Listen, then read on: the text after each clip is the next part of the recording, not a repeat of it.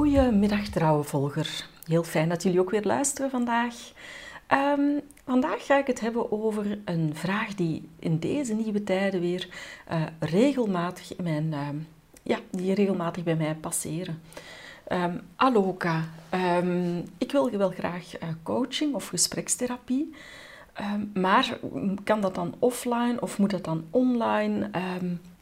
En wat is dan het verschil uitmaken of ik on- of offline kom in het resultaat wat ik wil bereiken? Wel, het allerbelangrijkste is waar jij je prettig bij voelt. De ene persoon vindt het fijn om face-to-face een vertrouwelijke, in een vertrouwelijke setting af te spreken, bij een kopje koffie, thee of lekkers. Um, de andere vindt het ook comfortabel, leerde ik, om vanuit zijn of haar eigen vertrouwde ruimte te praten.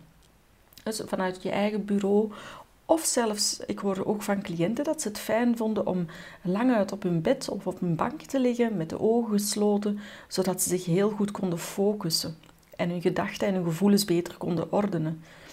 Um, dus voor mensen die na veel Google-werk toch liever tot hier komen, maar dit te ver vonden, vonden ze dan ook weer online een hele goede oplossing. En zo heb ik ook heel wat mensen kunnen helpen. Het is misschien voor jou ook veilig om te weten dat ik in beide gevallen het beroepsgeheim hanteer. Bij online coaching maak ik ook gebruik van veilige media om dat beroepsgeheim niet te schenden. En tijdens online consulten ga ik ook uiteraard naar mijn praktijk, waar de deur op slot is. Dus alles wat er gezegd of verteld wordt on- of offline, gebeurt ook in een veilige setting. En dat is misschien voor jou wel een hele fijne om te weten.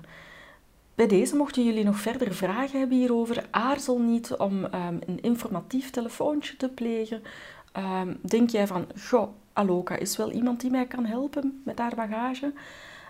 Um, dan mag je natuurlijk een gratis en vrijblijvend intakegesprek inboeken. On- of offline, zoals jij het wil. En dan gaan wij later naar hoe jij je bij mij voelt als gesprekstherapeut.